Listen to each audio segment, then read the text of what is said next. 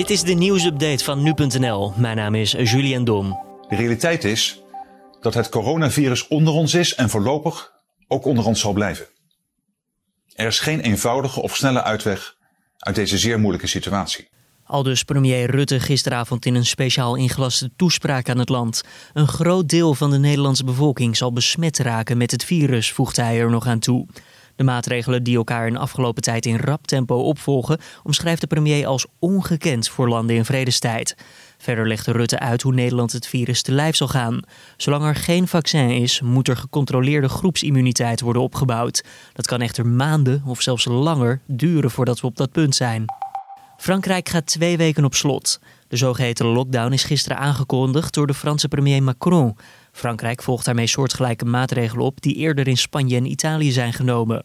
Alleen met speciale documenten mogen mensen de straat op. Dat zal dan zijn voor essentiële activiteiten. Maar wat dat precies inhoudt is nog niet bekend. Om de lockdown te handhaven heeft het Franse ministerie van Binnenlandse Zaken 100.000 politieagenten ingeschakeld.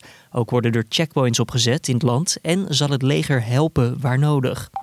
Macron maakte gisteren meer nieuws bekend. Zo sluiten de buitengrenzen van het Schengengebied vanaf vandaag om 12 uur s middags. Voor zeker 30 dagen is dat het geval. De Schengenlanden vormen samen een groot deel van de Europese Unie, waaronder Nederland. Het besluit om de grenzen te sluiten is maandag genomen in overleg met andere lidstaten, al dus de Franse president. Over de binnengrenzen van de Schengenlanden zei Macron niets. Een deel van de Schengenlanden heeft echter de binnengrenzen al gesloten, zoals Tsjechië, Polen, Slowakije en delen van Duitsland.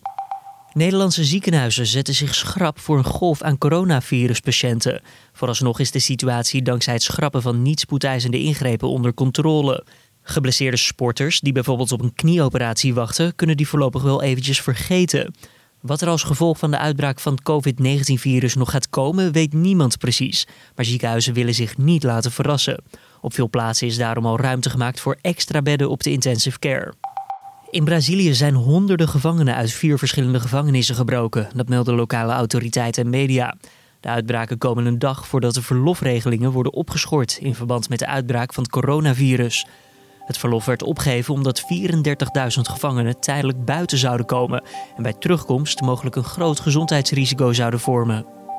En dit was dan weer de nieuwsupdate.